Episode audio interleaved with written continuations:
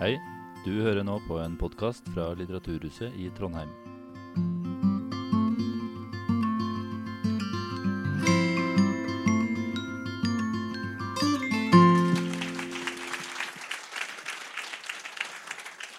En veldig rau- raus applaus før vi i hele tatt starter, syns jeg. Eh, velkommen da til denne kvelden med Linn Skåber og Helene Uri. Mens vi venter på noe godt. Jeg har fått lov til å si av Linn for, noen, for et par damer. Altså uten å bli an- anklaga for noe slags metoo eller, eller slike ting. Jeg sier det rett ut. For et par damer, sier jeg bare rett ut. Det her er da et innslag i serien Grenser, som jeg skal si noen få ord om. Også for å få dere tilbake hit. Eh, der skal vi nå først som avslutning på sesongen ha Marta Antonette Solli, 'Gutter mot verden'. Eh, og så i høst så tar jeg bare navnene, men hør på den lista her. Drillo. Arve Tellefsen. Åsa Lindeborg. Atle Grønn. Ella Marie Hetta Isaksen. Ja, så da skjønner de at de må følge med godt utover her. Og, og de ser jo at det fort kan bli fullt, altså. Og derfor så må man være tidlig ute. Ålreit. Men om Linn Skåber Det er en del å si, det skal vi komme tilbake til. Men eh, først ifra programomtale. Nei, der har vi det. Der har vi det. Linn Skåber hun har skrevet sin egen versjon av teaterstykket 'Mens vi venter på Godot' av Samuel Beckett. Om to kvinner midt i livet og den snikende følelsen av at det kanskje ikke varer evig. Det er noe med ungene som nesten har flyttet hjemmefra og ikke ringer. Og så handler det om religion, hund, feminisme og mobildekning, men mest om mennesker som undrer seg, lengter, ser mot himmelen, samtidig som de sparker i grusen og lever en hverdag. Hva venter vi på? En større mening? Dette er bakgrunnen for Linn Skåbers samtale med Helene Uri, som altså utgjør en blanding av alvorlig og munter livsfilosofi. Linn er skuespiller, komiker og forfatter, og hun har medvirka i et utall av revyer, kabareter, spillefilmer og TV-produksjoner, ikke minst kjent fra sin rolle i Nytt på Nytt. Har mottatt en rekke priser for sine meritter. Mer og mer står hun fram som forfatter, med titler som Til ungdommen, Til de voksne og Til oss alle, fra de eldste, som viser hennes samfunnsengasjement og interesse for mennesker. Helene er forfatter og språkforsker, professor 2 ved Norsk barnebokinstitutt. Har sin egen spalte i Aftenposten.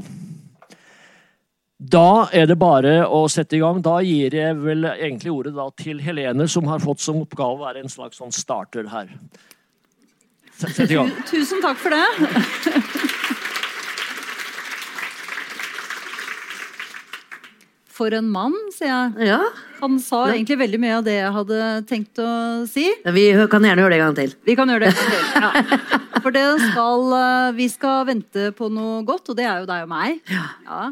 Og så skal vi snakke om eh, Beckett. Vi skal eh, snakke om kvinner og menn. Vi skal snakke om å le litt, og vi skal snakke om å være alvorlig. Og så skal vi snakke om livet. Og så handler det jo om teksten som du har skrevet. Og jeg har egentlig lyst til å begynne med å spørre deg om hvorfor du skrev denne teksten. Hvordan var det det begynte? For det er jo en litt spesiell historie. Men aller først så har jeg lyst til å ile til og si at jeg har sett, mens vi venter på noe godt eh, på teaterscenen i Oslo, og Nationaltheatret, og det var kjempefint. Men det er selvfølgelig ikke sånn at denne samtalen ikke har noe for seg hvis man ikke har sett stykket. Nei. For vi skal snakke om veldig mye mer Ja. også. Men utgangspunktet er denne teksten. Ja, det er sant. Ja. Dette begynner da en eh, høstdag eh, i 2019, eh, hvor jeg spør Hanne Tømta, som er sjef på Nasjonaldag, om jeg kan få lov til Jeg har aldri jobbet med Ine Jansen, for hun er en god venninne av meg. Vi har bodd i Quality siden vi var 18 og holdt det gående. Vi har aldri spilt sammen. Så jeg spurte kunne ikke Ine og jeg få lov til å gjøre mens vi venter på Godot. Og så gikk det noen dager, og så svarte hun ikke. Og så tenkte jeg det, det, det var visst en dårlig idé. Så jeg prøvde meg på en 'Har du fått meldingen?' Ehm, og da fikk jeg til svar ja, jeg ble bare så eh, matt. For jeg vet at to kvinner får eh, ikke lov til å gjøre mens vi venter på Godot. For det står i testamentet til Samuel Beckett at det skal aldri spilles av to kvinner. Eh, han døde i 1989. Det er i nær tid. Eh, og eh, det sitter altså en nevø, da, Irland, en, en av arvingene, og passer på at dette ikke skjer. Også Nordiska Teaterforlag i København. da. Og det er rettssaker ganske hyppig over hele eh, verden. Og altså, stopping av forestillinger hvis det skjer. Um, flere eksempler på det skal vi komme tilbake til, kanskje? Ja, Ja. det skal vi gjøre. Ja. Eh, Hva, hva Ble du sint, eller ble du lei deg, eller hva ble du? Ja, jeg ble på en måte litt sjokkert, for jeg syns det var litt gammeldags. da, og Spesielt at Beckett gjorde det, som er jo en av de liksom, vi tenker på som liksom store eh, forandringens mestere. Den første som liksom tar inn absurdismen ikke sant, i teatret.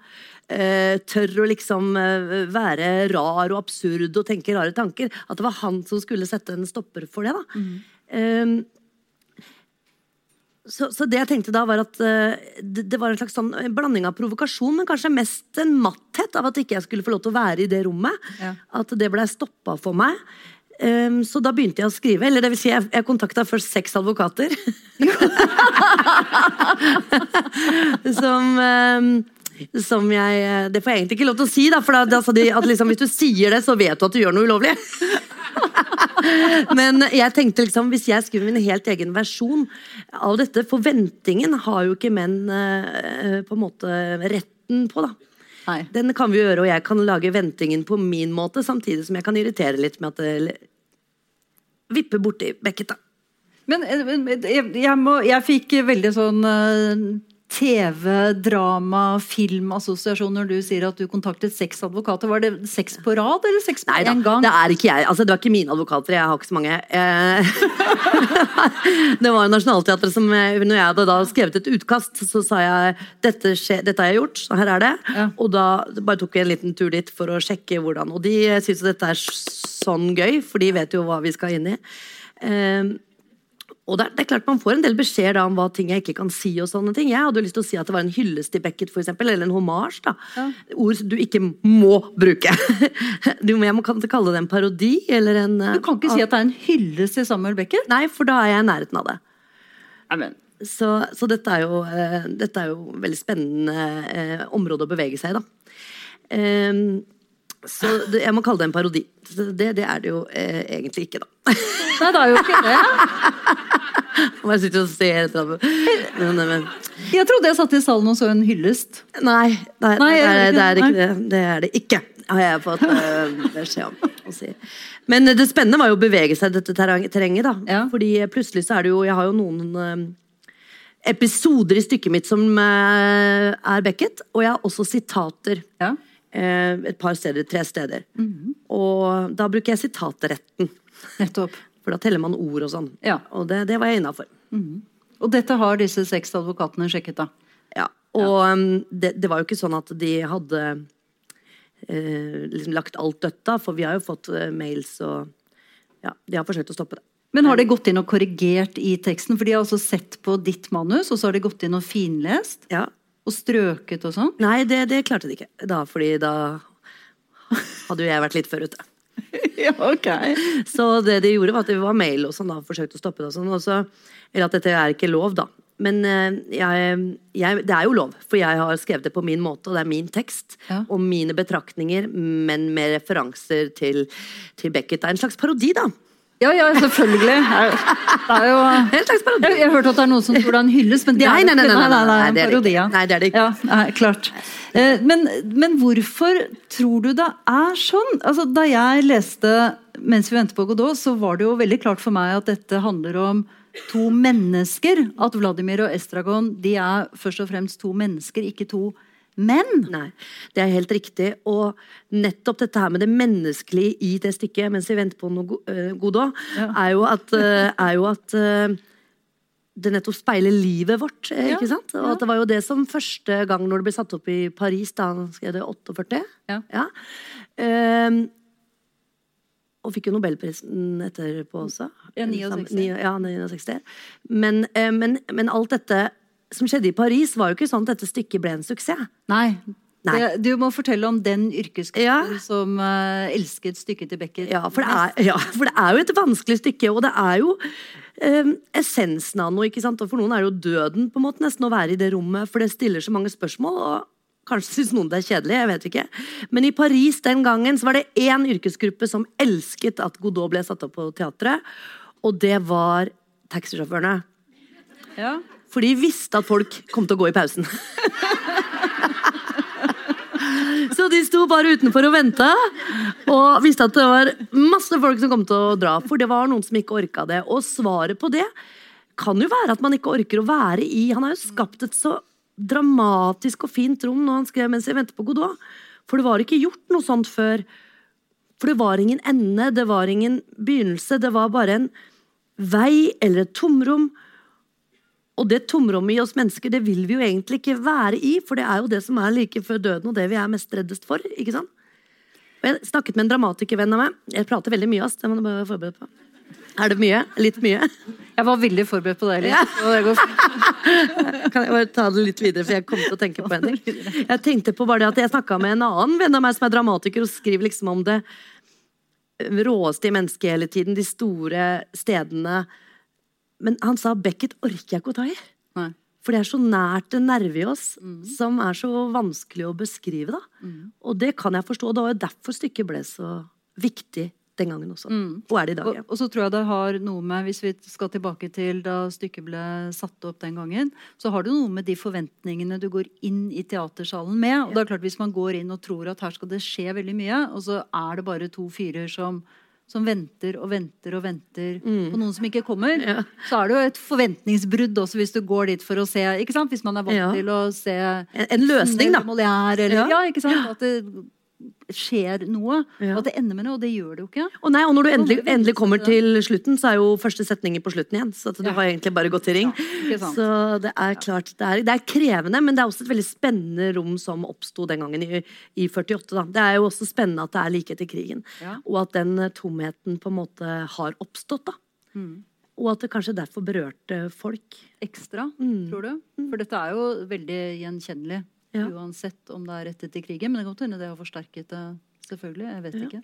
Jeg, jeg har så lyst til å be deg fremføre, skal jeg si det. Du Ja. har jo ikke med deg noen ting, ser jeg. Men uh, du, du, du kan vel ting utenat, du, kanskje? Nei, jeg har, lyst til, jeg har så lyst til at vi kan eh, dele åpningen. Ja. Som eh, Altså i det som ikke er hyllesten til eh, Beckett, men, eh, men parodien. Altså i 'Mens vi venter på noe, på noe godt'. Og som, som jeg kan si at gjorde Altså det var fantastisk å se deg inne i Hansen og Linn Skåber som er på scenen. Og dere er jo kjempegode. Men det er jo også Teksten din er virkelig veldig god, og jeg syns at den åpningen er en så fin tekst. Fordi at du får oss i si, din hule hånd med en gang. Og da er det den derre blandingen mellom det vare som gjør at jeg tror vi Du setter oss i riktig stemning, da. Det var i sånn jeg kjente det. Så jeg har så lyst til at du Ja. skal eh, ja. Tusen takk. Jeg har- aldri gjort det utenom den scenen før, så det er nesten litt eh, spesielt. Men jeg tror jeg bare må stå sånn så at jeg liksom innbiller meg at jeg er på scenen der i det rommet. Men det er noe sånn som eh, Ja. Det er som om du sitter i vannkanten på en campingplass, da. I Sandnes eller Hvitsten eller sam samme det egentlig hvor det er, da. Og du leker med sånne svarte, blanke, fine steiner. Som blir til en eh, vannhytte. Det er et ord du selv kom på sånn på 4-5-tida på ettermiddagen. Og den gule bikinibuksa di den med sånne lubne elefanter på, den er våt foran og under. Fordi du liksom sitter sånn på huket hele tida, så henger den litt sånn i rumpa. Og så er du fire-fem år, og så er du mett. Du er stappmett, for du har spist en hel kronesis! Ikke den bunnen, ikke den spist med sjokolade. Den liker du ikke, den smaker for sterkt. Og du har akkurat tissa i det store havet. Tvers igjennom bikinibuksa di. Men det gjør ikke noe verken på den ene eller andre måten. Noen kan skylle deg etterpå. I vannkanten der du ikke kan stå.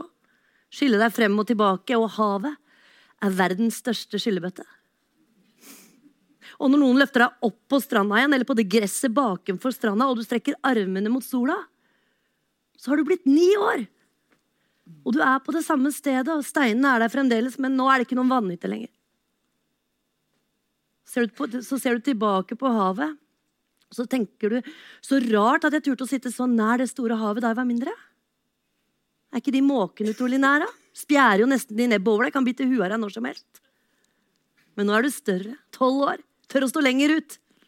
Tør å ha vannet opp til halsen, havet opp til munnen. Åpne munnen og smake litt på det havet, smake på den evigheten der. Og så går du tilbake på stranda, og der står mamma og venter. Og legger et eh, rolig håndkle om skuldra på deg. Og det er deilig. Frotéaktig og flaut, for nå er du 16. så går du tilbake til eh, bilen hennes sammen med henne. Foran den kiosken bak de rosebuskene. Og idet du tar i bildøra, så har du blitt 18. Så snur du deg en siste gang da, og ser på havet, og det er da du ser det. Hurum. Hurumlandet rett på andre sida av fjorden. Det var aldri et hav, det var aldri en evighet. Du kunne, kunne lett ha svømt frem og tilbake fra Hvitsten til Hurum. Og du får dette klaustrofobiske anfallet av mamma, Hurum, verden. Stakkars mamma. Et dunkende hjerte med hud utenpå. Var til og med dine hjerteslag en gang. Hun delte til og med hjerteslagene sine med deg. Nå lengter du bare vekk fra henne, mot havet eller fjorden mer. da. Og du får dette klaustrofobiske anfallet av uh, fortida, framtida og de steinene som et barn som du om ikke så lenge skal legge et håndkle rundt skuldrene på og skal se og si at Er ikke det egentlig en vannhytte? Og du skal legge et rolig håndkle om skuldra på det barnet. Og før du vet ordet av det, så sitter det på venstre side av deg i bilen og spiser hele kronesissen. Bunnen også.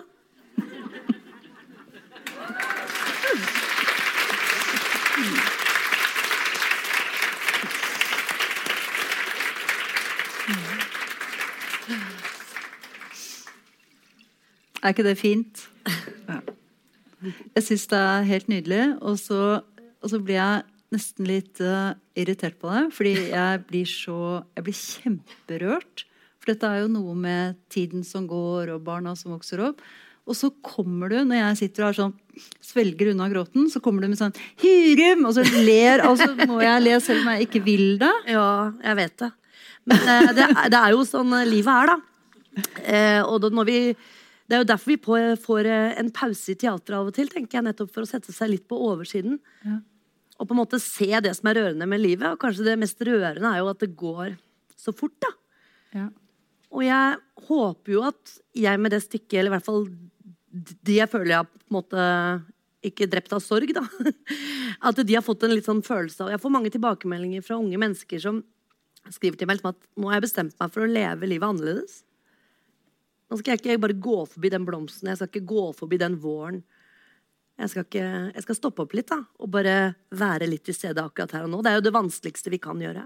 De skriver det til deg etter å ha sett stykket? Mm, ja, det synes jeg, det, blir ble jeg veldig rørt av. Mm. Og det håper jeg. At ikke jeg bare er mørke jeg presenterer, for jeg sier jo mye om livet. Nei, altså Det er jo hele tiden det alvor og latter. Eh, du bare gjør det sånn Du drar meg av gårde. Jeg Helt egentlig du, du, har meg akkurat der du vil ha meg, tror jeg. Det er litt sånn utspekulert. Her. Ja, det er litt utspekulert, men det er for at jeg lærte ganske tidlig, eller jeg følte det også, en, en setning som jeg liker så godt, og det er at gråten er fetteren til latteren. Mm. Mm. Ikke sant? Fordi at liksom Det er ikke så langt unna den følelsen som sitter her. Hvis du har hatt et skikkelig gråteattakk, så er det omtrent det samme som å kjenne at du har hatt en skikkelig latterkrampe. Ja, det er helt... Du er liksom sliten ja. på samme stedet. Ja så føler jeg at vi kan åpne litt av det den latterdøra for å ta inn sorgen, da, og da er kanskje sorgen litt lettere å håndtere òg. Mm. Var det sånn at da du skrev åpningen, så Eller at du skrev denne teksten, så visste du at det skulle være åpningen? Eller hvordan kom den til deg? Den var ikke åpningen. Nei, det var ikke den. Nei. Nei det er jo sjelden det er sånn. ja, helt riktig. Nei. Eh, stakkars de som var med på den turen, men manuset var jo så tjukt, ikke sant? Og det var en annen planløsning på det. Men så har vi jobbet med det fra bunnen, altså. Ja. Eh, med Katrine Telle på regi. Ja, som også har vært en stor bidragsyter. Det begynte med Ines monolog, som er på slutten. Ja, Og den er også kjempefin. den kan jeg ikke. Ja, den, er, den, den er også veldig fin, og den handler jo også om nettopp det med å, med å brudd med foreldre og vokse opp og Det å egentlig finne ut at hjemmet er er Ja, der er ute, der er med. At det hjemmet er det du ikke Ja. vet hva er. Og det at vi skal tåle det som mennesker, det er ganske hardt. Mm. Men hvis vi tenker at alle har det samme, så er det også mye lettere.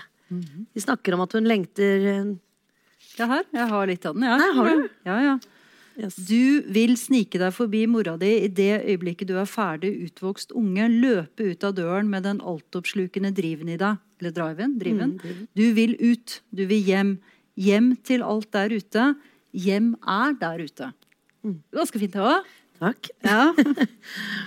Ja, det, er, eh, det er noe med å beskrive den felles følelsen vår at selv om vi føler oss aleine og er aleine ute i verden, så er vi jo sammen med andre. Og jeg sier også at liksom Hun beskriver seg som en liten fugleunge da, som ser liksom, på denne verden som er der ute. Og det kjipeste er de svarte, svære fuglene. Eh, De andre som eh, med et glefs, eller hva Fugler glefser kanskje ikke, hva heter det?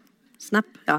Så kan de liksom eh, ta livet av deg når som helst. Og likevel så er det det sjokkerende at du lengter mest av alt ut til dem. Det er der ute vi skal, og det er der ute vi bør være. Selv om vi er livredde, mange av oss, hele tiden. Men du, tilbake til eh, utgangspunktet, som altså er eh, Beckett. Eh, Kan du si noe om likheter og forskjeller mellom ditt stykke og hans stykke? Altså, det er jo noen åpenbare forskjeller og noen åpenbare likheter. Ehm, vi er kanskje mer bevisst, i og jeg, på at vi venter på noe. At vi forsker i hva Ja, ja, ja. vi Mm, venter ja. på. Men vi, derfor er vi et liksom metaperspektiv på at vi faktisk vet at vi er i samme situasjon eh, som eh, Vladimir og Estragon, som de heter. Men at vi lurer på hva vi venter Mm, på. Eh, det fins også en budbringer i Godot som eh, egentlig er jævlig irriterende. Han kommer hver dag og sier at han kommer ikke i dag heller. igjen og igjen og igjen. Det skjer ikke i vårt stykke, for han kommer og sier at han har en beskjed til oss. Ja. Men den syns vi høres litt skummel ut idet han sier det. Så Ja, vi forsøker å forvirre det. den lille gutten. Vi plager den gutten veldig mye. Jeg gjør det. Vi gjør det på ordentlig, altså. Stakkars gutt. Han er 13 år. Men de elsker Vi har to gutter da, som vi har med oss, og de elsker å spille i det. Men jeg var en stund usikker på om jeg hadde pressa for mye eksistensialisme inn i hodet deres. Jeg ba om unnskyldning, men de likte å høre på oss, da, sa de. Ja, eh, De store spørsmålene veldig direkte. Men eh, det er noe av det. Eh, Det er flere likhetstegn. På et tidspunkt så får vi jo et lykkerush av at vi finner eller jus. Ja. Der har jo Vladimir noen gulrøtter og sånn som de holder på med. Eh, Og så forsøker jo Ine å henge, henge seg. Henge ja. seg ja. Mm. Et mislykket prosjekt. Og da kommenterer vi jo det hele tatt at det kan vi ikke gjøre, for det er i det andre stykket. Ja. Ikke sant? Det, det, det, det her må du ikke gjøre. Men hun eh, vil gjerne henge seg, da. Etter hvert som eh, det går opp for henne at hun venter på noe som ikke kommer. Men eh, mens vi venter på noe godt, og mens vi venter på Godot Dette er jo fonetisk veldig morsomt. Ikke sant? Det er jo, det er jo kjempegøy. Du må ha vært veldig fornøyd da du kom på den. Ja, helt til noen sa at uh, Nordsjøen i 1987 het det samme. Men det var ikke dritgenialt, det var det ikke. Men hva er det, hva er det man hva er det dere venter på? Venter dere på noe annet enn Vladimir og Estragon? Vet vi hva vi Hva, hva venter dere på? Fortell. Hva er det Ja, altså, vi jeg opplever jo i hvert fall hele tiden med meg selv, og det har jeg kanskje begynt å tenke litt mer på, men jeg, jeg husker ikke ett år som har gått uten at jeg som har tenkt sånn nå, nå er det snart sommerferie, eller nå kommer den, og så tenker jeg jeg, jeg er jo ikke så glad i sommerferie, egentlig. Det er bare at jeg har lagd meg en sånn at det er enden på visa. Eh, Eller hva er det som skal skje da, eller snart er det jul, eller Altså at vi hele tiden har Men det trenger vi kanskje å ha noen sånne bøyer, da. Men eh, det er jo dumt å gå rundt og vente på noen ting hele tiden, for de fleste av oss vet jo at det er like før det er gøyest. Og at liksom målet ikke er eh, nødvendigvis eh, Morsommere å glede seg til jul enn eh, Det er alltid sånn Ja. nedtur når alle gavene er pakket opp. Ja. Husker Ole Paus beskrev det så innmari vakkert i Kristiania-bohemen. Jeg spilte det en gang. For bohemene drømte jo om det ultimate stedet å leve. Ikke sant? De ville vekk fra Norge. Ville bygget seg et nytt land i Patagonia med sine regler. Og da sier på slutten av det stykket liksom For at når de kom til Patagonia, så viser det at det er jo et helt jævlig sted. Det er bare stein og sand. eh, og noen hester, tror jeg. Eh, og litt peyotekrydder. Men da husker jeg han beskrev det sånn Men veien er vel like vakker, selv om målet er av is og stein. Det syns jeg er så fint. Det var fint. At vi må liksom tåle den veien liksom på veien, og, og se hvor fint det kan være. da, Og at det kan være en del av målet. Jeg lurte på om du tenkte på Olav H. Hauge. Og Det er den draumen. draumen eh, ja, Ja, Den har jeg på. tenkt mye på i løpet av Ja. den prosessen. Ja, ikke sant? Mm. Fordi det er jo så menneskelig nettopp det å gå og vente på at noe vidunderlig skal skje. Ja. Ja. Og det er jo det med dette stykket at det har jo på sin egen vei utenom teatret på en måte vist det enda sterkere, da. Um, for dette er jo satt opp i fengsler, blant annet, med livstidsdømte fanger. På San Quentin så var det en svenske som dro ned og satte opp med folk som skulle dø. Altså, eller de skal sitte inne for, liv, på livet. Og han bestemte seg for å spille mens de venter på Godot. Og det er ganske sterkt, altså, for du veit at de skal aldri ut derfra. Og, og de, det betød så mye for dem å, å få spille det.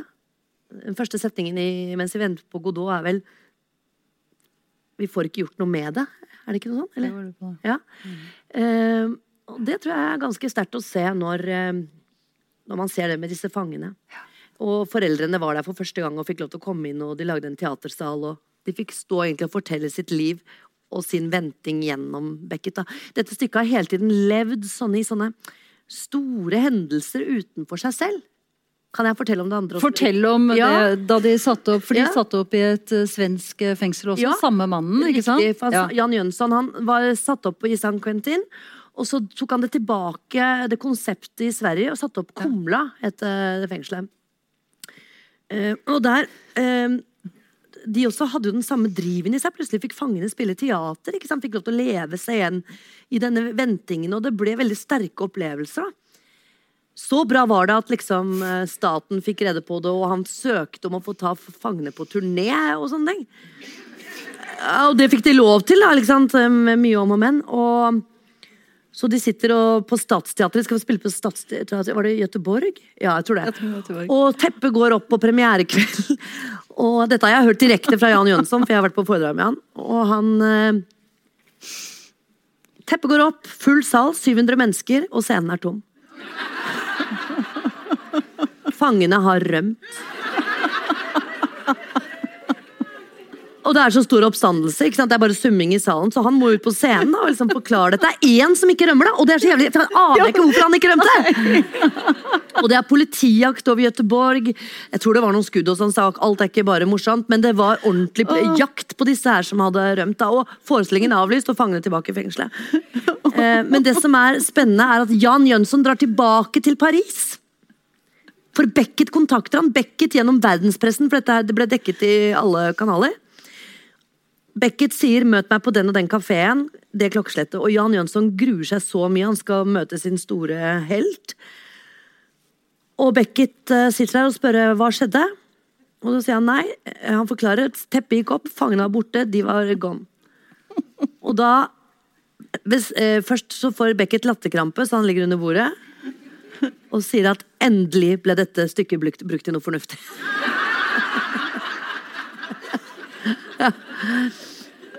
Og så bestiller han to whisky. Sikkert flere. Ja. Er, det, er, det er morsomt med hvordan denne liksom Det er som om det liksom Og alt dette med at han da nekter dette her, og at dette stykket blir til. er Akkurat som liksom det lever som en sånn boble ved siden av livet og ved siden av Ja, teateret. ja, men det er jo litt fordi det er såpass åpent, og fordi vi legger våre liv i stykket Ja. òg. Men hvis du hadde sittet på den eh, baren med Beckett i Paris og drukket uh, whisky Ja. Og så skulle du tatt opp dette med Si at jeg hadde lyst til å spille stykket ditt, ja, Samuel, og så fikk jeg ikke lov til det. Mm. Hvorfor, hva, hvordan ville du sagt dette, og hva tror du han ville svart? Hvorfor, hvorfor har han gjort dette med Ja, at ingen eh, kvinner skal få lov til å bevege seg inn i hans stykke? Ja, jeg må si at det er ikke så utferdig. Jeg må bare presisere at han sier at ingen av rollene skal bytte roller.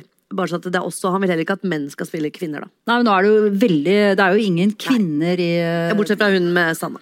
Ja, ja, okay. Lykkelige dager. Ja. Ja, ja, ja. Ehm, men ja, den som ga meg det nærmeste svaret på det, Helene, var jo deg. Det er sant. Jeg prøvde å forsvare Hvilket av Ja. de Ja, ok, men skal jeg Ja. Fordi jeg, eh, jeg skjønner som forfatter Du er jo også forfatter. Ja da, men- Så jeg skjønner at man har lyst til å beskytte verket sitt. Ikke sant? Og dere har jo også Du har også allusjoner til andre som har veldig sterke restriksjoner på Mm. sine tekster. Nemlig Torbjørn Egner har jo Det er samme. det er samme, ikke sant? Det er ikke lov til å forandre noen Nei. ting. Så jeg kan jo forstå det behovet. Men det er jo sånn todelt, ikke sant? Og dette, jeg syns jo dette er veldig interessant, fordi når jeg skriver romaner, så vet jo jeg, når jeg snakker med mine lesere, så, så forteller jo de meg ting som de har opplevd ved å lese mine tekster, som jeg aldri har intendert. Og som jeg ikke engang kan forestille meg. Nei. Ikke sant? Og det vil jeg jo tro er enda sterkere med teatertekster. Du møter publikum som sier at 'jeg kjente meg igjen i det', eller jeg de legger jo, ikke sant, Lesere skal jo legge sitt eget liv og sin egen erfaring, sine egne tolkninger i våre tekster. Det er jo nå poenget. Ja, ja. Det skal jo ikke være lukket. Men samtidig så skjønner jeg jo det behovet for at det ikke skal komme en eller annen sånn Åh, En eller annen eh, regissør som har en eller annen fiks idé om at ja, nei, men nå, nå, nå tar vi Vi spiller alt under vann, dere, og så kan alle sammen ikke ha på seg klær, eller vi kan Men der er jo, ja, jeg skjønner det, og der er jo kanskje jeg altså, i bunnen og grunnen litt mer skuespiller enn forfatter. ikke sant? For jeg ser på skuespillerkunsten som en utrolig levende kunstform. da. Ja. For det første så er det jo aldri bestående. Det vi lager, det rives vekk neste dagen. Vi står og ser på at hele verden vår forsvinner. ikke sant? Kulisser forsvinner, det hogges opp, det kjøres på fyllinga. Så sånn sett er jo dette her en veldig eh, materie som er f løs, ikke sant? Eh, og derfor så Jeg husker når Til ungdommen eh, ble satt opp, så da er jo ikke jeg mye mer skuespiller enn forfatter, for da sa jo jeg til han eh, at jeg kommer til å synes det er skikkelig kjedelig hvis du har respekt for meg. Jeg vil at du skal kaste den boka opp i verden som en gæren baby og ta den ned igjen og stable den på en måte på et sted. For jeg ville bli skuffa hvis det ikke var forandra, hvis det ikke var tenkt noen nye tanker. da. Så sitter jeg jo i salen på premieren og tenker sånn Oi, du, du vred den helt om, ja. Ja, det, det, Eh, men, ja, det er jo da. Men, men samtidig det merker jeg at det må jeg ta fordi at jeg er medlem av en kunstform som skal være sånn. Ja. Teatret bygges opp vet du, tenk deg det, fra en tekst. Så har du sminkøren, så har du som kommer med ideer. Så har du regissøren, så, så har du liksom komponisten. Og dette til sammen blir jo en pakke som jeg er mye mer vant til antageligvis Ja. enn deg. ikke sant? Ja, ja. For du er mer vant til å være i den, selvfølgelig i, i ditt eget hode. Ja. Jo, men jeg, men jeg er jo mer jeg er vant til Jo, men det er jo sant. Ja, ja, ja, Jeg er vant til å løfte det ut og gi det fra meg. ja. Ja. ja. Og så, og så tar det slutt. Du må bare ikke være så redd for det, for det, det skal på fyllinga uansett. Ja, ja. Det er ingen som filmer det engang. Nå er kanonene eh, revet, og teppet vårt er rulla bort. Ja. ja, komme, kan jeg få komme med Ja, gjør det, gjør, jeg gjør det, gjør det. For jeg fikk vite for et kvarter siden at vi drar på turné, og vi kommer til Trondheim.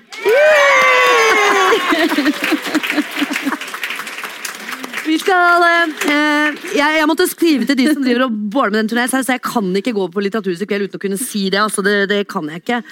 Så 99,999 sjanse for at vi kommer. Det jobbes virkelig hardt med. Og da kommer vi til eh, Olavshallen. Eh, Lille scenen, da. Og eh, 12., 14. og 15. oktober får det med. Mm. Da håper jeg jeg ser dere.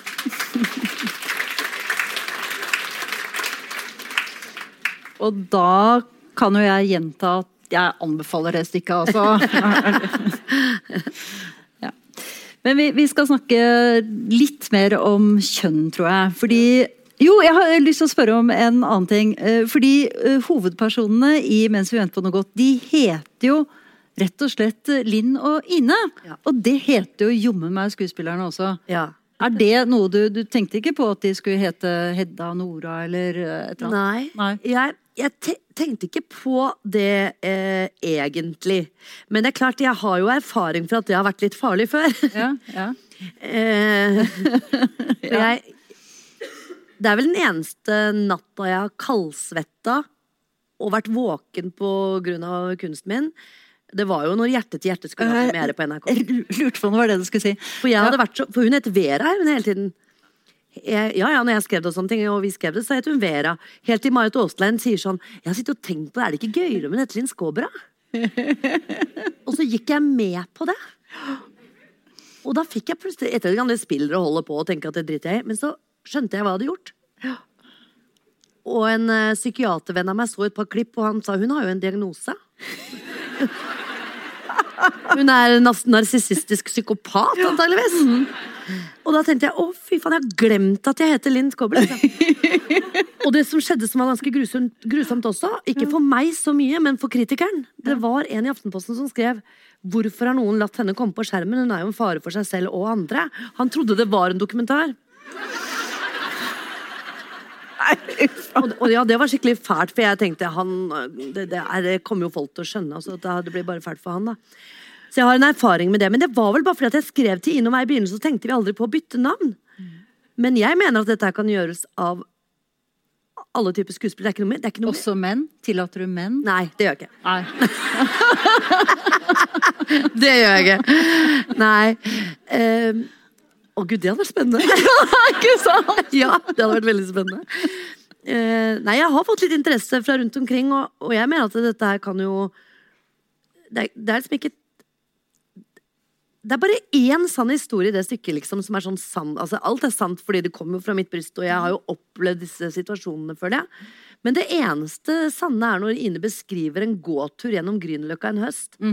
Hvor hun snakker om Husker du David når vi gikk sammen med unga våre nedover Ja. eh, i byen? Og frukten under sånne varmelamper lyste, og det var høst, og alle var skilt. Eh, og jeg var glad og trist.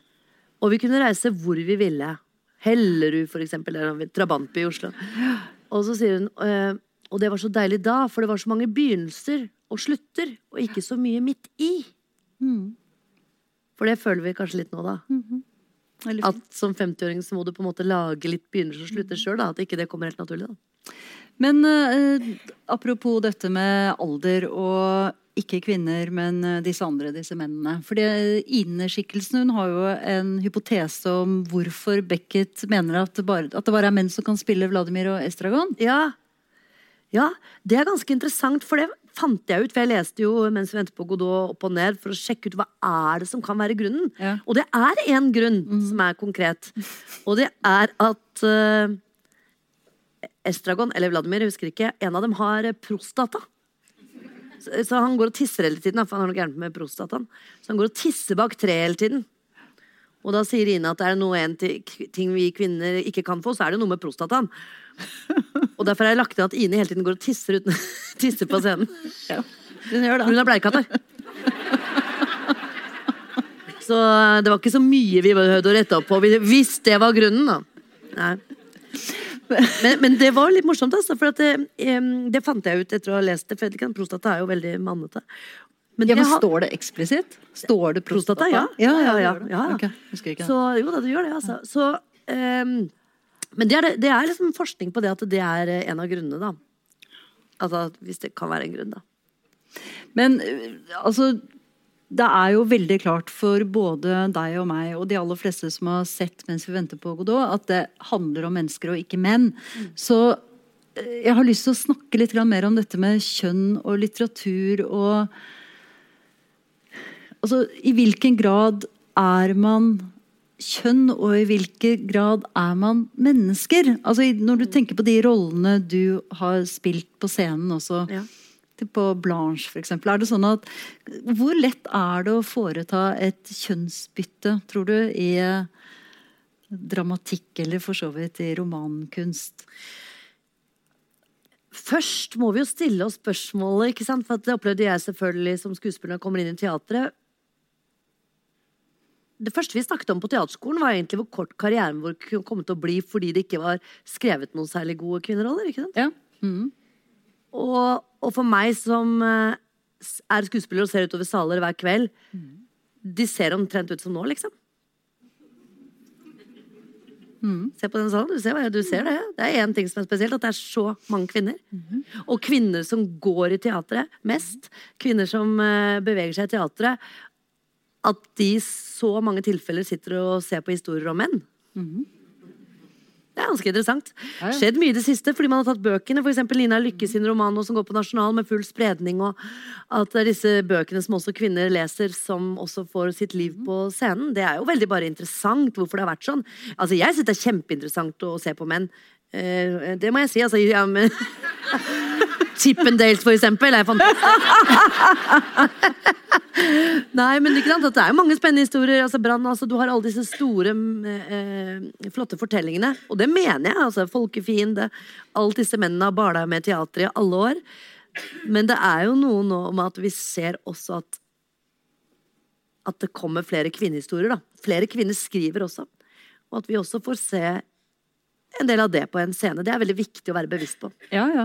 Og eh, noe av det som har vært problemet i eh, litteraturen, både dramatikken og, og prosaen, det er jo det at mennene har fått æren av å representere menneskeheten. ikke sant? De er menneske, mens når det er kvinner, så, så er vi kvinner. Ja. Som vi også ser i språket, som jeg har vært og snakket om. eh, Ja. Sittet akkurat på denne scenen her og snakket om tidligere. Ja, ja. Og det er jo den store forskjellen. For jeg tror at da Beckett eh, Nå har jo heller ikke jeg drukket whisky med Beckett, Nei. men jeg tror at hvis vi hadde fått han i tale, da, så tror jeg han ville fortalt oss at sagt at ja, men dette er jo et stykke Det er jo mennesker, det er bare at det er, det er representert ved disse to mennene. Det hadde han sagt etter fem whisky. Når vi hadde fått han litt på gang. ja, da, ja, ja, ja. Ja, hadde vi. Da hadde vi fått forklart ham hva vi mener om Men, det. men de stykkene hvor det er eh, kvinneroller, så er de så definitivt kvinner. De får ikke lov til å representere er mennesket på samme måte. Det er ganske fascinerende. Ja.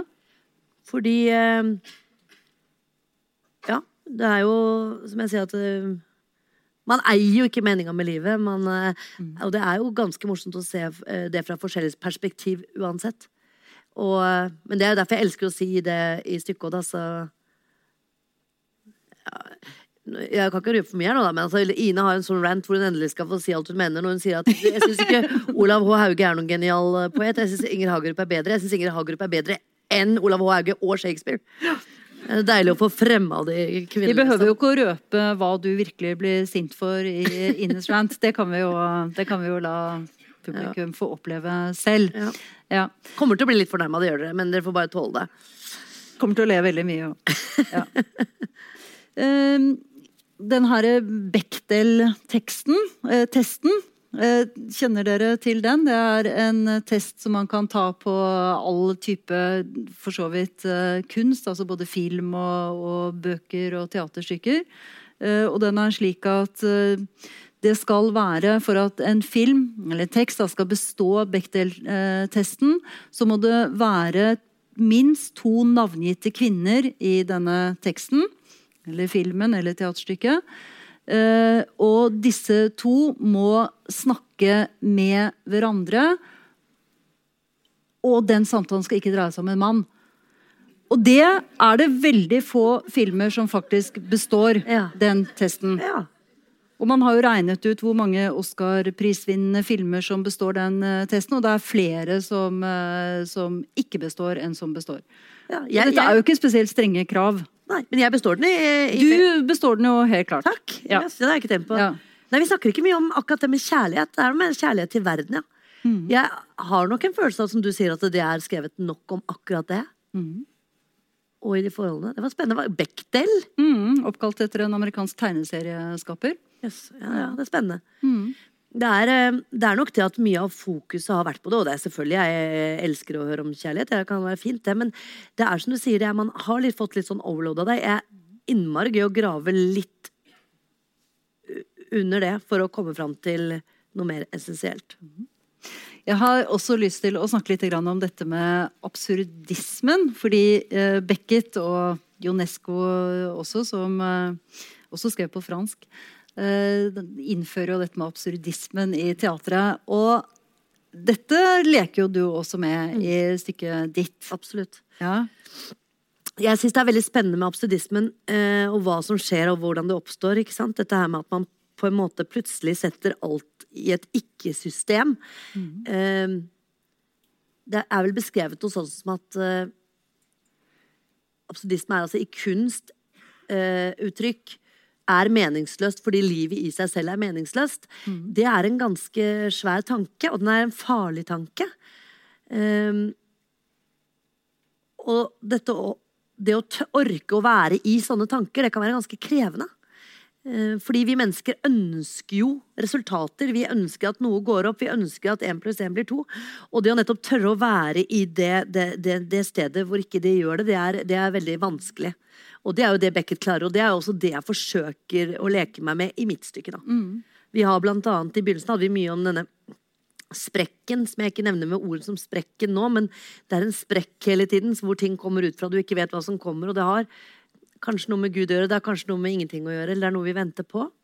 Så det jeg elsker å leke med absurdismen, og det å tørre å ha liksom løse tråder.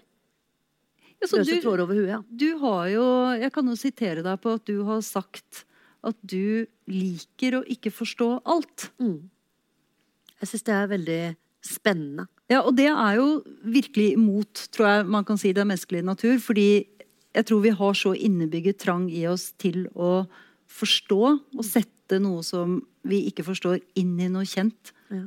Vi ønsker hele tiden den derre to strekker under svaret. Eller i hvert fall, hvert fall et svar, da. Spør Ine Jansen om det. Hun er enig med deg. Ja. Ja, det har vært en ganske slitsom prøvetid sånn. Altså, veldig gøy, da, selvfølgelig, for vi har veldig forskjellige hjerner. Ja. Um, hun sier 'det stemmer ikke', det der. Så sier jeg ja, men det er jo det som er gøy. Ja, men det er det ikke Det orker jeg ikke. Liksom, jeg orker ikke.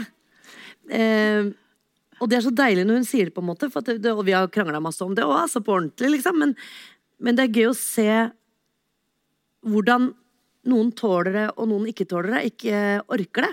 For vi er jo oppdratt til at det skal gå i, Ja, ja. hop, da. Ja.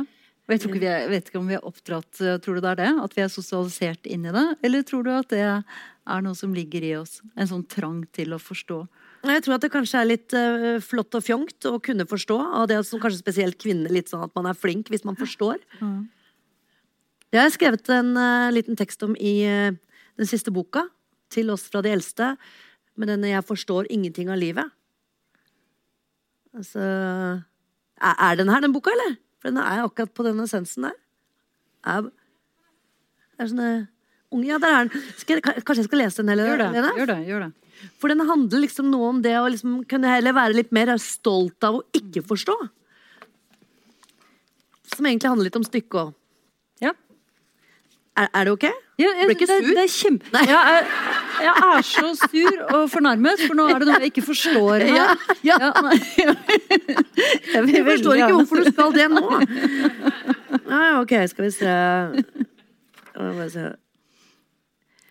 Eh, nei, altså, herregud, så dårlig jeg er. Jeg var litt imponert over at du da du kom til å slå opp på side 63, men det gjorde du ikke. Du Nei, nei, overhodet ikke.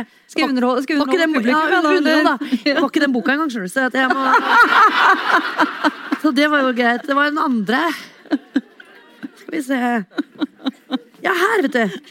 133. Sånn. Jeg forstår ingenting. Det er, det, er sånn, det er bra å ikke forstå. Fant du det? Ja da. Ja, ok, for jeg tenkte jeg skulle stille deg quiz-spørsmål mens du lette. Å nei, ikke quiz-spørsmål om Beckett orker jeg ikke. Jeg Nei, nei, ikke det er, ikke, det er et, eh, det er et eh, ordforrådsspørsmål. Ja, det, det tror jeg kan klare. Ja, mens du blar.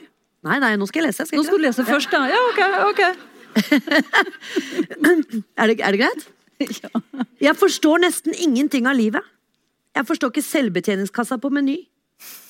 Sånne bruksanvisninger kan jeg bare hive. Er Brumunddal kommune eller by? Jeg krymper nesten alle klær på 90. Jeg friker ut når det ringer meg fra Get.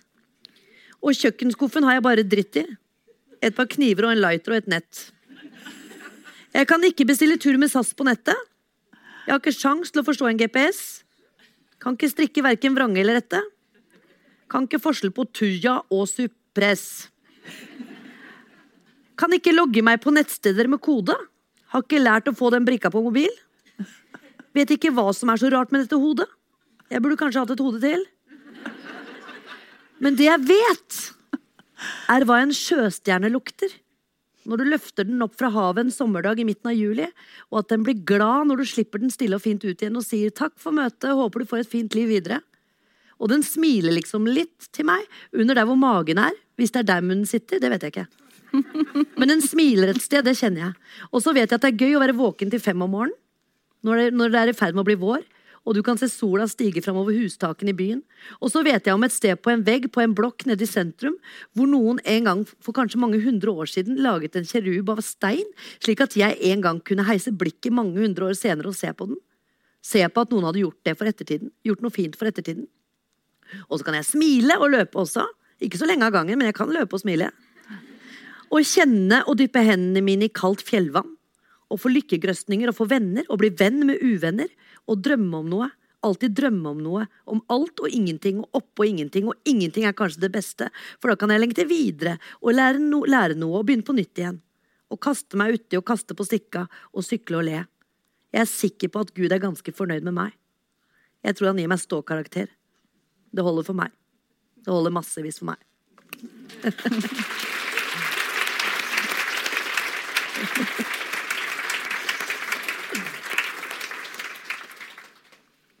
Jeg hadde enormt stor gjenkjennelse i den første halvdelen, som handlet om hvor komplisert det er. Og jeg er så glad for at jeg har barn som jeg kan ringe til, som kan si at nå er den maskinen sånn igjen. Jeg skjønner ikke hva jeg skal gjøre.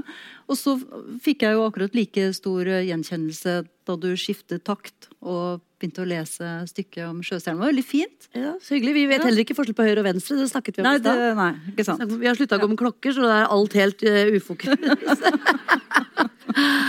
jo, men jeg mener at dette er litt det jeg snakker om. da, ikke sant? Det å nettopp tørre å være den som undrer. Tørre å være den som er i dette rommet vi ikke forstår noe av. Det tror jeg er en av de største egenskapene man kan ha. Og da kan man eh, drite litt i alt det andre, egentlig. Ja, enig. Er det sånn at, eh, for å stille et veldig alvorlig spørsmål er det, Så skal jeg, ha ikke glemt det språkvis-spørsmålet. altså. Eh, tenker du mye på døden? Ja, det tenker jeg masse på. Det har jeg tenkt på alltid, tror jeg. Altså, og mest av alt eh, nok en gang en kontrast, fordi jeg er så innmari glad i livet. Jeg har aldri hata livet. Jeg har syntes livet kunne vært vanskelig, og det har vært eh, store, rare ting som har skjedd, og store, vonde ting, men jeg har aldri hata livet. Eh, heller aldri hata Gud. Jeg hadde en litt sånn uoppgjort eh, ting med han, for at hver eneste dag fra jeg var liten til jeg ble ganske voksen, så var liksom aftenbønnen liksom sånn når man ønsker seg beste for alle rundt seg og sånne ting. Og så sa jeg også alltid at øh, håper verden er sånn, sånn, sånn, og sånn, sånn. Og hvis mamma og pappa dør, så tror jeg ikke på det lenger. Ah, Hadde den lille konkurransen der, Ja. husker jeg. Eh, og så gjør de jo det etter hvert, da. Og ganske fort og på likt. ja. Og da kjente jeg på en underlig måte at for det første Ja, så fortsatte jeg å, å, å snakke med Gud, da, eller en eller annen. Og, eller altså det, det man kaller Og at jeg likte livet enda mer.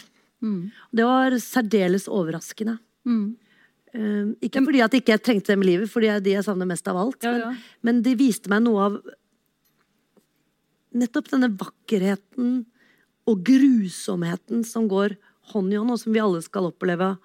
Alle opplever. At det er et eller annet at det tegner seg noe som ikke vi forstår nå, men som blir en del av det hele, da. Ja ja, som moren min sa. Du vet, Elin, at livet kan ikke alltid du kan, nei, Hun sa feil ordtak alltid. Hun sa du kan ikke alltid danse på roser, vet du.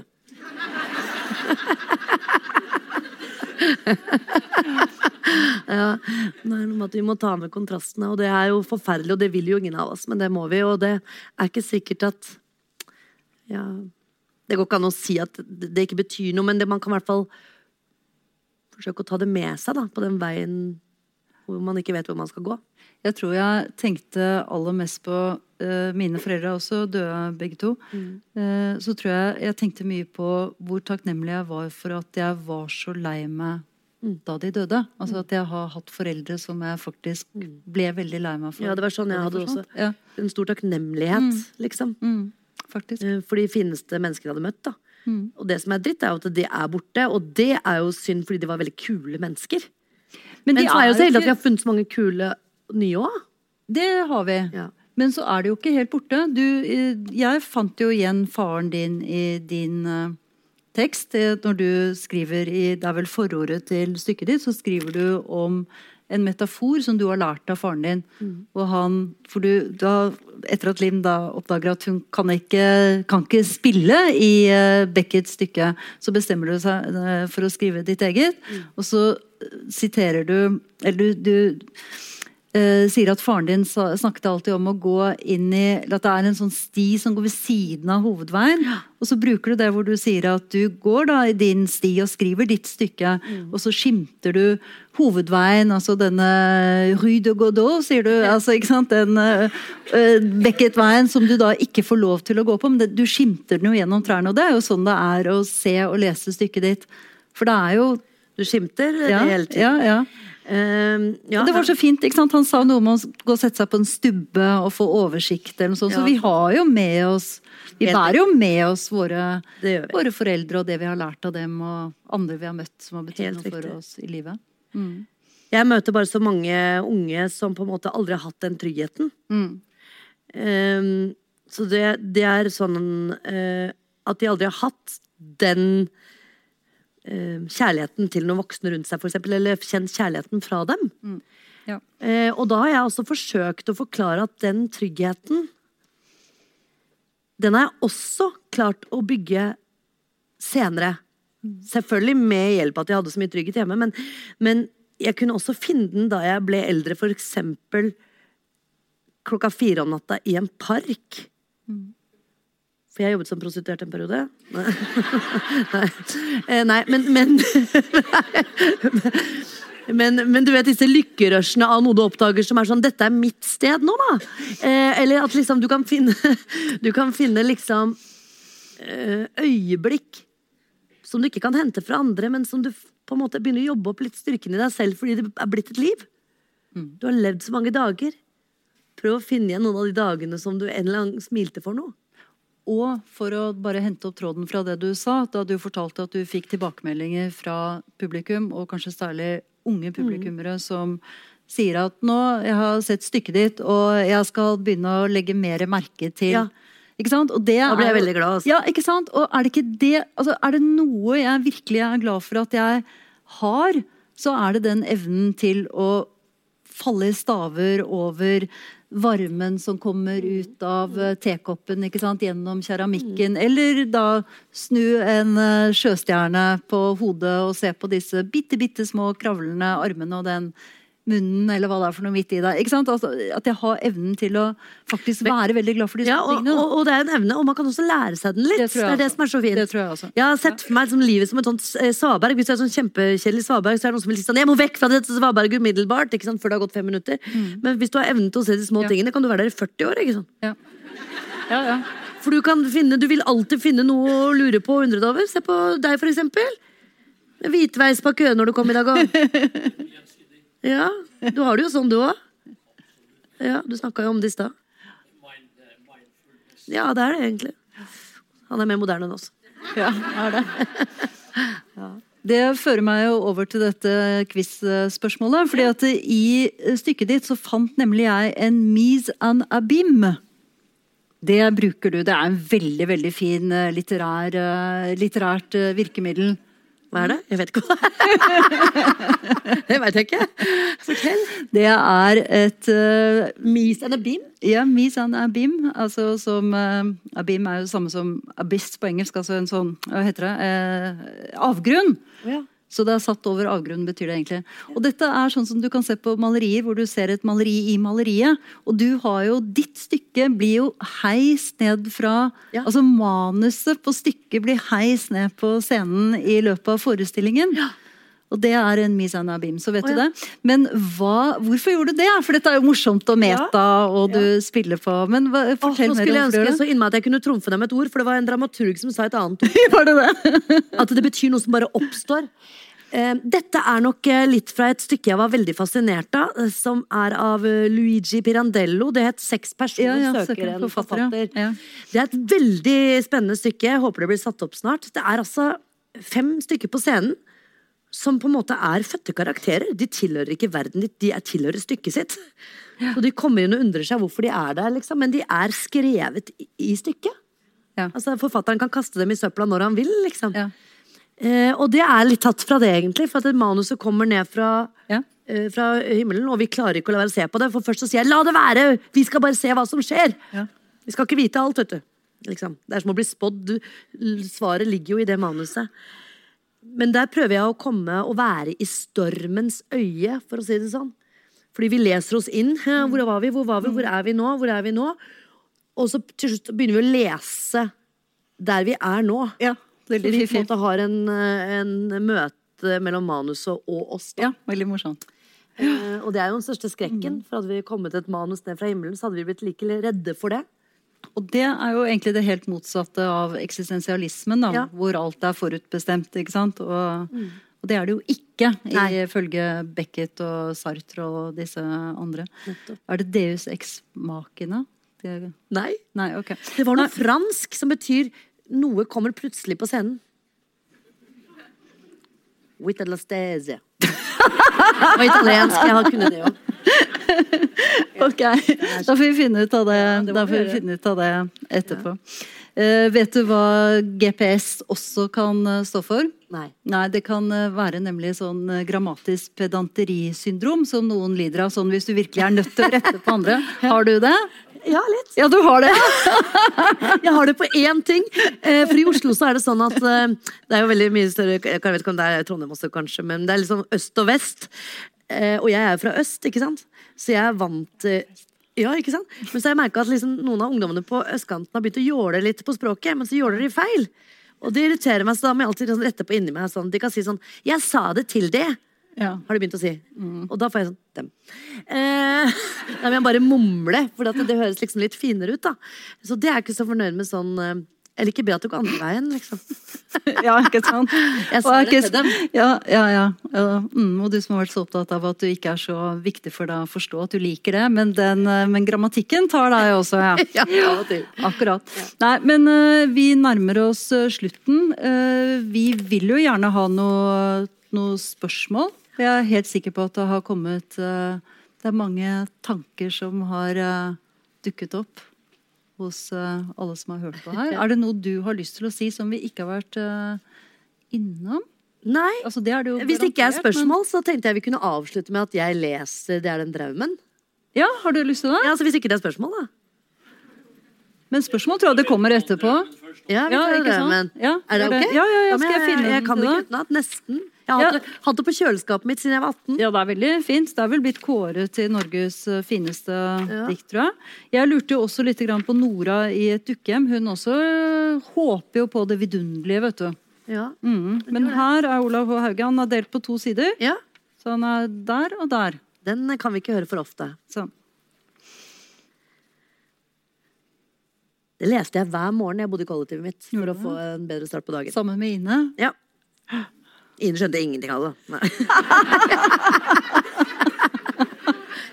Hvilken draum, da? Hvor skal du? Nei. Det- er den draumen vi bærer på. At noe vidunderlig skal skje. At det må skje. At tid skal åpne seg. At hjarta skal åpne seg. At dører skal åpne seg. At kjelder skal springe at draumen skal åpne seg. At vi ei morgenstund skal glia inn på en våg vi ikke har visst om. Det er fint. Det er kjempefint. Det er kjempefint. Det er å ha på Det er eh, Det er virkelig fint. Det er veldig fint. Og så er det jo, det er jo nesten litt motsatt av Beckett, da. Fordi Olav H. Hauge er jo Han anerkjenner jo at vi alle bærer på en drøm, mens Beckett uh, Ja. Ja, ikke sant? Så jeg Men han vet jo ikke hvor den vågen Nei, han vet ikke hva det er. hører til, han heller. Nei da, det vet vi ikke. Og det er jo det som er det gåtefulle her. Og spennende med livet, egentlig. Apropos spennende med livet, her kommer du. Her kommer jeg. Ja. Nei, men altså, nå, nå, nå har vi sveipa vidt. Altså. Vi har hatt Gud, og vi har hatt døden, og vi har hatt sjøstjerna, og vi har hatt Traumen og vågen vi ikke visste om. Altså. ja. snakker om spenn. Og prostata. Og prostata, ikke minst. Ja, ja, ja. ja. Nei da. Men da skal vi ha Jeg er litt usikker på ha spørsmål, kommentar, assosiasjoner, hva som helst, egentlig. Og kanskje ikke det hva er meningen med livet, men gjerne ta det i en eller annen slags variant. Ja. Nei, men altså hva som helst. Vær så god. Bruker av og til å ta litt tid før vi sprenger lydmuren her. Ja. Det er jo så mange.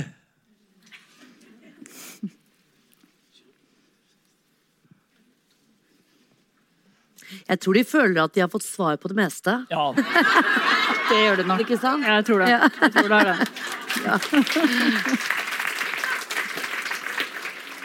Nemlig at det ikke fins noen svar. Ja. Ikke sant? Det er egentlig det. Da sier vi takk for i kveld. Ja.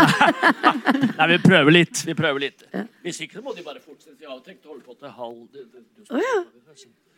Ja, den er uh, tre over åtte nå. Så Ja, der har vi endelig en. Her kommer den. Her, vær så Her god.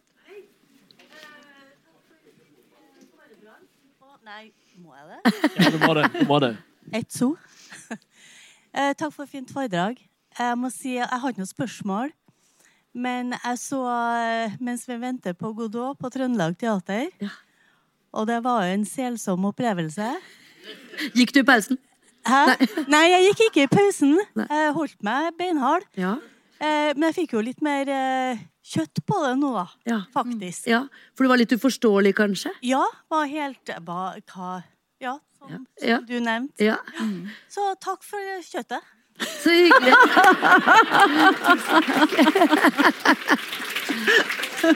Det gjelder bare å forklare det på en litt mer jentete måte. Ja. Vi diskuterte litt, samtalt litt. Har Godot gått på Trøndelag Teater? Ja, fordi jeg husker i sin tid at eh, nærmest at det ikke gikk at det kom en annen forestilling i stedet. Hvis du husker den at det satt noen med, stakk hodet opp av sanda. Det var også et Beckett-stykke. Det var det jeg så. Lykkelig Men, men altså, da kan du bekrefte at Ja. eh, Godot har gått. Ja, nettopp. Han har gått med forbi, altså. Ja, det kan du se. Lykkelig. Ja vel. Det var visst noen i midten her, tror jeg. Hva- Noen her? Ja. Å, ja, nei, eh, ja, det har jeg absolutt. Eh, Jeg skal Altså, vi skal jo på turné nå, da. Altså, nå er det bestemt, så vi skal jo reise rundt i landet. Eh, Gleder meg til å komme hit. Og så er vi i Bergen, eh, Nordfjord, Stavanger. Vi skal rundt omkring. Så det blir høsten. Eh, jeg, det, er, det er vel bare privat, men jeg skal forsøke å bo en liten periode i Berlin. Bare for å tørre å være alene, for det har jeg egentlig aldri vært. Men jeg har én venn der, da. Så da, da skal jeg bruke tiden på å gå rundt og se smart ut og skrive på kafé.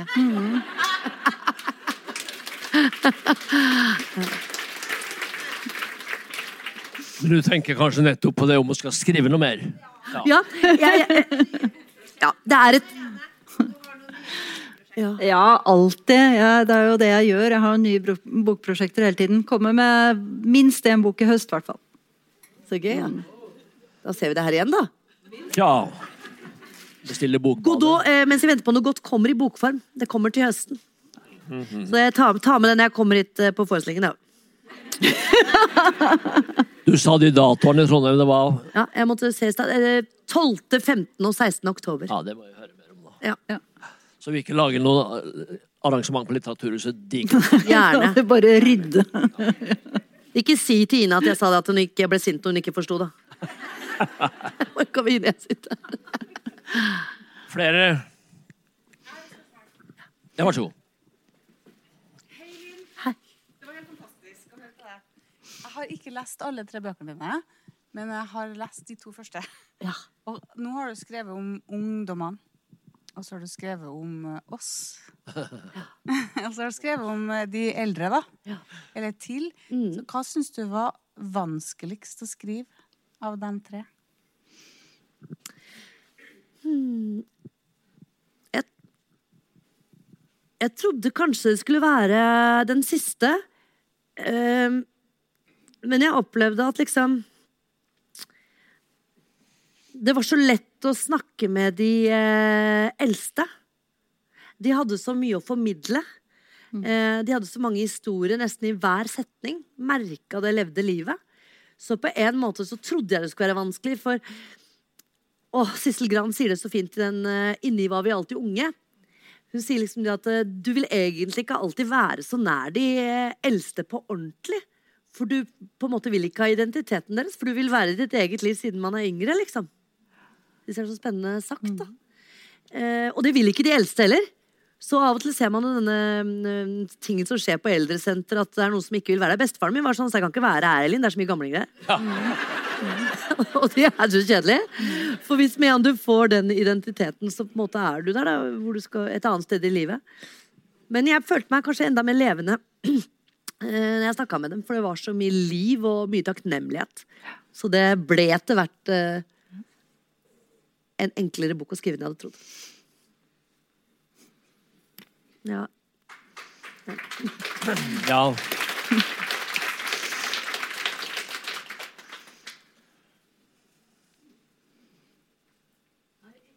Her er vi ja.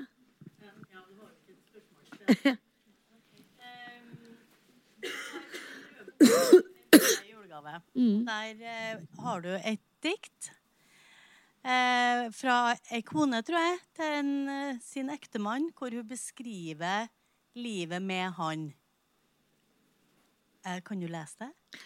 ja er, er det det i grusomme lyset, eller er det Ja. ja. Ja.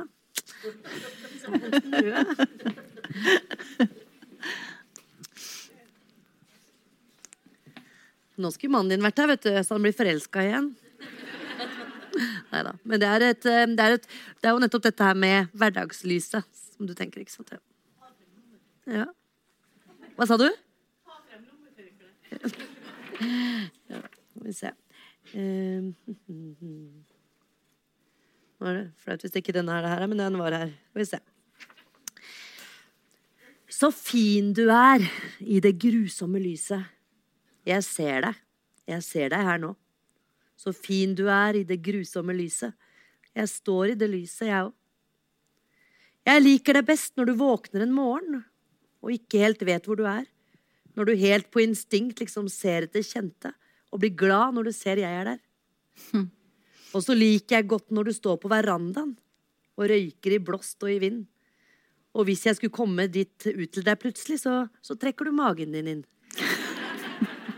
Titusener av timer og langsomme dager har vi vært en del av oss to. Og tenk at du gjør deg, gjør deg til for meg ennå, og at du låser døra på do. Jeg har gitt deg mitt liv, et par krangler, noen sokker. Og mer skal det helt sikkert bli. Vi ser ut som to utslitte sko her vi tråkker, men blir fine fordi vi kan si. Så fin du er i det grusomme lyset. Jeg vet hvem du er, hva jeg så. Så fin du er i det grusomme lyset. Jeg syns du er like fin nå.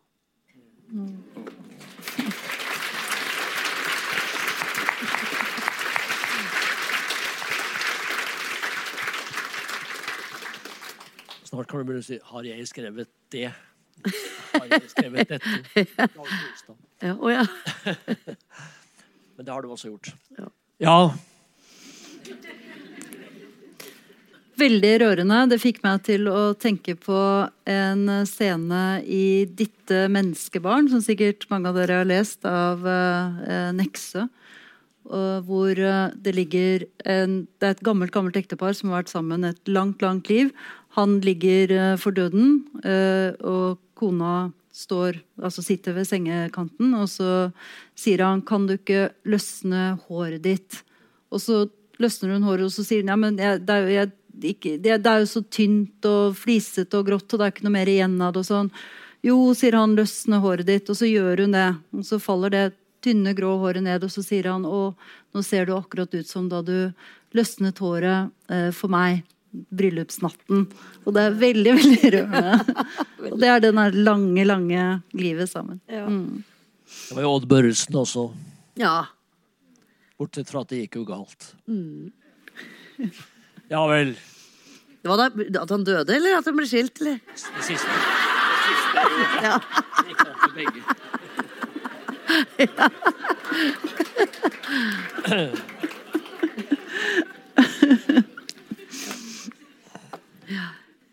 Jeg lurte litt på mens, mens de tenker som Det er en helt bakerst der. Der har vi en. Kom igjen. Mikrofon bak. Og mens vi venter på det, så Inviterer jeg deg til å være med og gå tur opp til treet mitt i morgen. Treet ditt, ja. Ja, Treet mitt. Ja, det vil jeg gjerne. Ja, Elsker trær, jeg. Ja.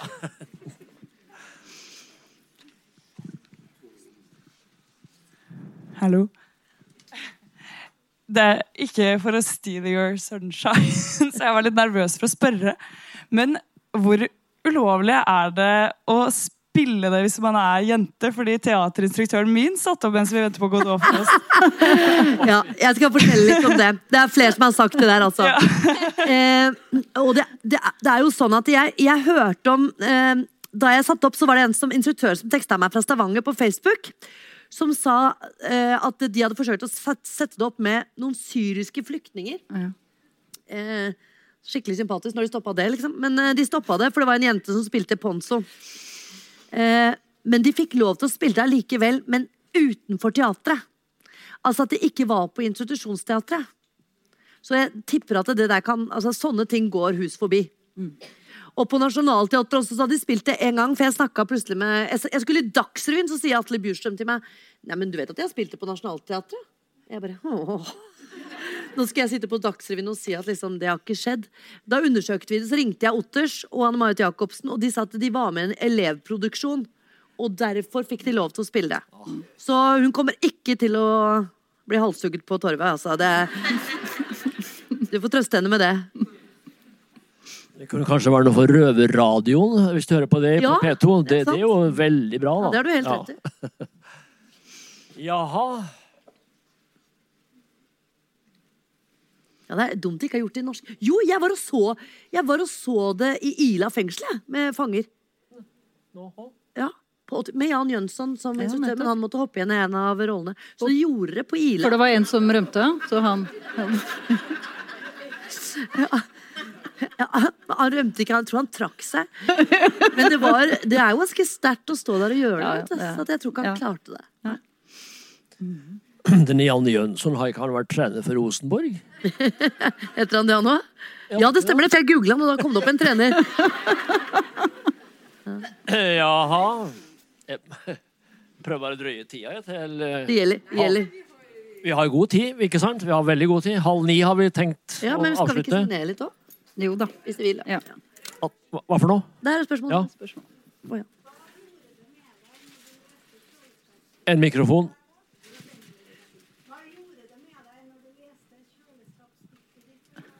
Hva gjorde det med meg når jeg leste kjøleskapsdiktet mitt hver dag? Jeg tror man blir minna på eh, Både på drømmen man har, men at den drømmen kanskje er også i dag. Jeg har en sånn eh, Det jeg driver med nå for tida, som på en måte er en, kanskje litt samme, men men ikke helt, for jeg har det ikke på kjøleskapet lenger. Men det er at jeg som for kan finne på litt underlige ting som overrasker meg selv. Så i det siste har jeg begynt å gjøre sånn når det er sol, og strekker meg mot sola og tenker dette blir en bra dag. Om den vil eller ikke. Om dagen vil eller ikke. Um, og så er det jo denne vågen da, som man ikke har visst om, som skal komme når som helst. Hvis man har levd et langt liv, så må den jo ha vært der noen ganger.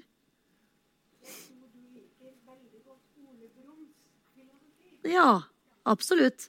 Han er, eh, han er spennende. ja.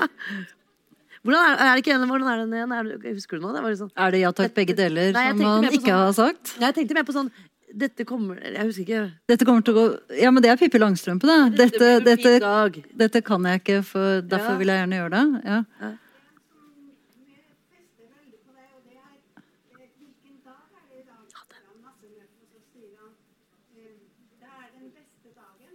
Sant, da. Hvilken dag er det i dag, sier Ole Brumm. Nei, men Asten Nøff. Og så svarer Ole Brumm. Det er den beste dagen. Ja, Sånn kan vi jo lære litt av. Absolutt. Ja. Ja. Hva sier du? Jo, jo, det er veldig mye visdom her nå, altså. Ja. Ja. Jeg tenker av og til, riktignok, når jeg står i butikken, og så blir, sier noen 'ha en god dag videre'. Og så tenker jeg er du sikker på at jeg har hatt en god dag fram til nå, liksom? Ja. Det er også ja. Nei, men vi må snakke om de gode dager. Ja Ja, gjør det. Ja. Takk for at dere kom. Det var hyggelig.